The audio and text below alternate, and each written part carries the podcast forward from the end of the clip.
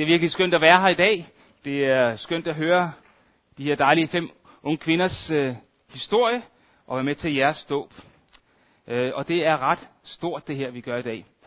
Og, og jeg bliver lige nødt til at høre, I, I blev våde, ikke? Det er sådan helt våde. Og I, I kom ned under vandet. Og de kom op igen. Og det var rigtig godt.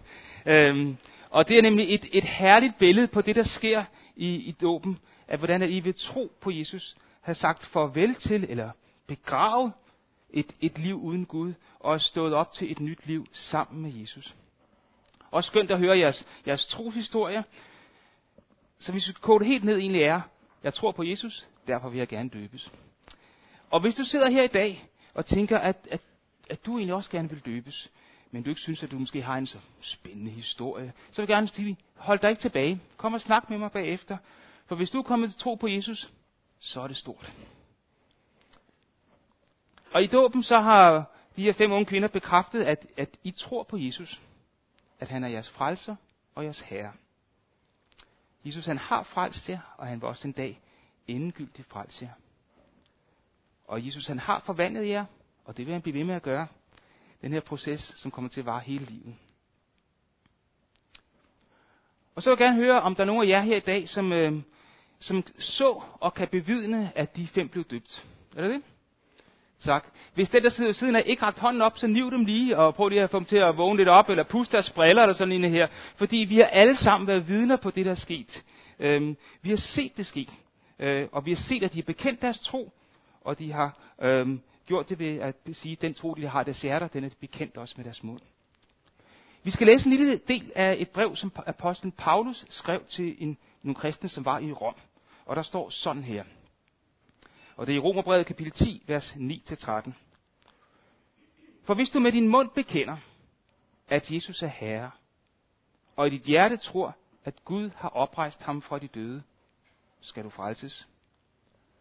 For med hjertet tror man til retfærdighed, med munden bekender man til frelse. For skriften siger, ingen som tror på ham skal blive til skamme. Der er ingen forskel på jøder og grækere. Alle har den samme herre, rig nok for alle, som påkalder ham. For enhver, som påkalder Herrens navn, skal frelses. Og Paulus han taler her om, om tro i hjertet, og øh, at det er bekendt med munden. Og, og hjertet bliver i Bibelen brugt til at beskrive vores, vores inderste jeg, af den vi er. Og det er her troen er. For tro er tillid, og tro er en, en fast overbevisning. Troen på Jesus er, at Gud har oprejst ham fra de døde, at Jesus han døde, og han opstod igen. Og øh, da Jesus døde på korset, så tog han al verdens synd, skyld og skam på sig. Og hvis det er hele verdens, så er det også din og min. Og ved at tro på ham, så kan du og jeg få tilgivelse, vi kan blive renset, og vi kan blive sat fri.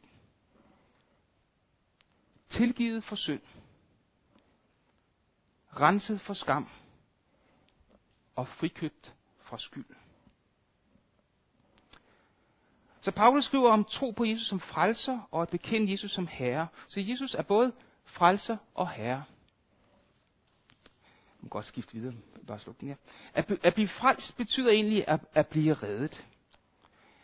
Men vi kan godt tænke på, at jamen, det går da egentlig meget godt, og, og vi egentlig ikke har brug for hjælp, eller, eller for sådan at blive reddet. Men selvom vi prøver at være, være gode mennesker, så ligger der dybt i os alle sammen en, en egoisme, der i tide, og især i utide, kommer til udtryk i dårlige, nogle gange da onde, attityder og handlinger over for andre. Og Bibelen kalder det synd. Og, og det er grundlæggende et oprør mod det, vi var skabt til at være. Skabt i Guds billede til at ligne ham. I bund og grund et oprør mod Gud. Og konsekvensen af den her egoisme, øh, det er nød og elendighed i verden, en masse brudte relationer og en adskillelse fra fællesskab med Gud. Så vi har brug for at blive reddet. Vi har brug for en frelse. Og Jesus han kom for at tilgive os vores synd, og for at vi kan få genoprettet relationen med Gud. Og vi tager imod den her tilgivelse ved at tro på Gud. for han er frelseren. Jesus er virkelig frelseren. Og Jesus, han er også herre. Han er ikke bare en, øh, en uovertruffen underviser, en passioneret profet, en fantastisk filosof eller en mægtig mirakelmager. Jesus, han er herrenes herre. Der er ingen som Jesus. Han ved, hvad der er bedst, og han ønsker at være herre i vores liv og lede os. Og det har vi set de fem bekendt i dag, at Jesus er jeres herre. Og han er helt igennem god. Han vil os det bedste, og han leder os. Så tro og bekendelse, det hænger sammen. Gud ønsker, at vi skal tro på ham. Også det kommer til udtryk i vores liv.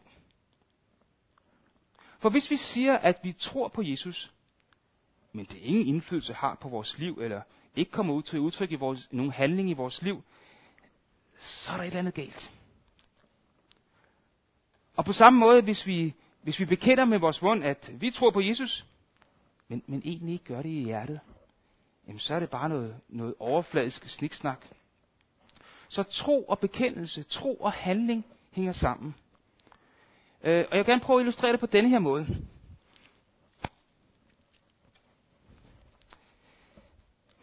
Der har vi tro. Og her har vi handling. Se om det kan sidde fast her. Det skulle vi gerne. Sådan næsten. Det sidder ikke så godt fast her. Sådan der. Tro og handling. Og det går altså ud på, at jeg hører noget om Jesus, og begynder at tro på det. Og det har indflydelse på, hvordan jeg handler, hvordan jeg lever mit liv. Jeg hører noget mere, eller læser noget i Bibelen, overvejer det, og siger, ja, det vil jeg gerne tro på. Og det har så en konsekvens i mit liv, som kommer til udtryk i handling. Og I fem i dag, I har handlet på jeres tro, og i dag bekendt jeres tro på Jesus for os alle. I tror, og I at handle. Og sådan er det faktisk for os alle sammen. Lige meget hvor vi er i vores forhold til Gud.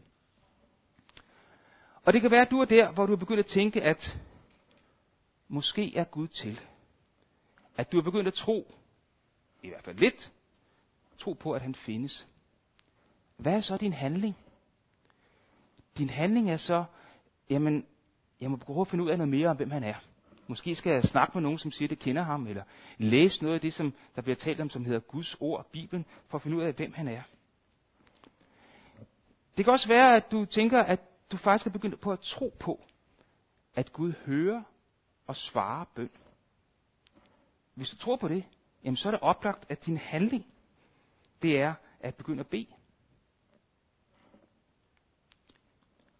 Hvis du tror, at Jesus, som han siger, kan tilgive synd, så lad din handling være, at du bekender, hvad du har gjort forkert til ham, og beder ham om at tilgive dig, rense dig og blive din redningsmand eller frelser. Og hvis du er begyndt at tro på, jamen det jeg har hørt om Gud, jeg, jeg tror faktisk, han er god. Jeg tror faktisk, jeg tror måske, jeg, Gud er faktisk god. Så lad din handling være at begynde at stole på ham. At han vil lede dig. Lad Jesus være din herre. Sig til ham, at du gerne vil følge ham, og hvad han siger. Og hvis du tror, at Gud har givet dig evner eller gaver, som man ønsker, du skal bruge, jamen så lad din handling være at begynde at bruge dem. Og nu kunne det godt se lidt ud som om, at kristenlivet, det er lidt som en and. Man går og vralter lidt. Tro, handling, tro, handling, tro, handling. Øhm, men i praksis, så er det faktisk mere kænguruhop. At tro og handling, det hænger sammen. Det følges ad. Hvad tænker du om det her? Hvad taler Gud til dig om? Lige om lidt, så skal vi have nadver sammen. Og så kan du bruge nadveren som en anledning til at sige, ja, Jesus, jeg vil gerne stole på dig. Tro på dig, og også lad troen komme til udtryk i mit liv, i mine handlinger, i den måde, jeg lever på. Lad din tro og din handling følges ad. Hop glad af. Og det med tro, det er ikke bare sådan noget, om det er for nogle få mennesker, nogle specielle mennesker eller sådan noget. Nej. I det sidste vers, den her tekst, vi læste fra Paulus, der skriver han, en hver, som påkalder Herrens navn, skal frelses. For Gud ønsker, at alle skal få tilgivelse og få genoprettet relationen med Gud. Og det sker ved tro på Jesus. At han har gjort det hele på korset, og at du og jeg derfor kan leve sammen med Gud nu og for altid. Så jeg vil gerne sige igen, lad din tro og din handling følges ad. Hop glad derud af. Lad os bede sammen.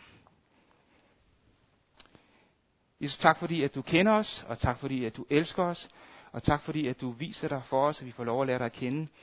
Og du ønsker, at vi skal tro på dig, og også lade det komme til udtryk i handling i vores liv. Og tak for vores fem venner her, som har i dag vist deres tro, også i handling, Gud. Øh, og tak fordi det er eksempel for os til at følge efter, at vi kan tro på dig, og vi kan handle, øh, og få lov til at opleve, hvor fantastisk du er. Amen.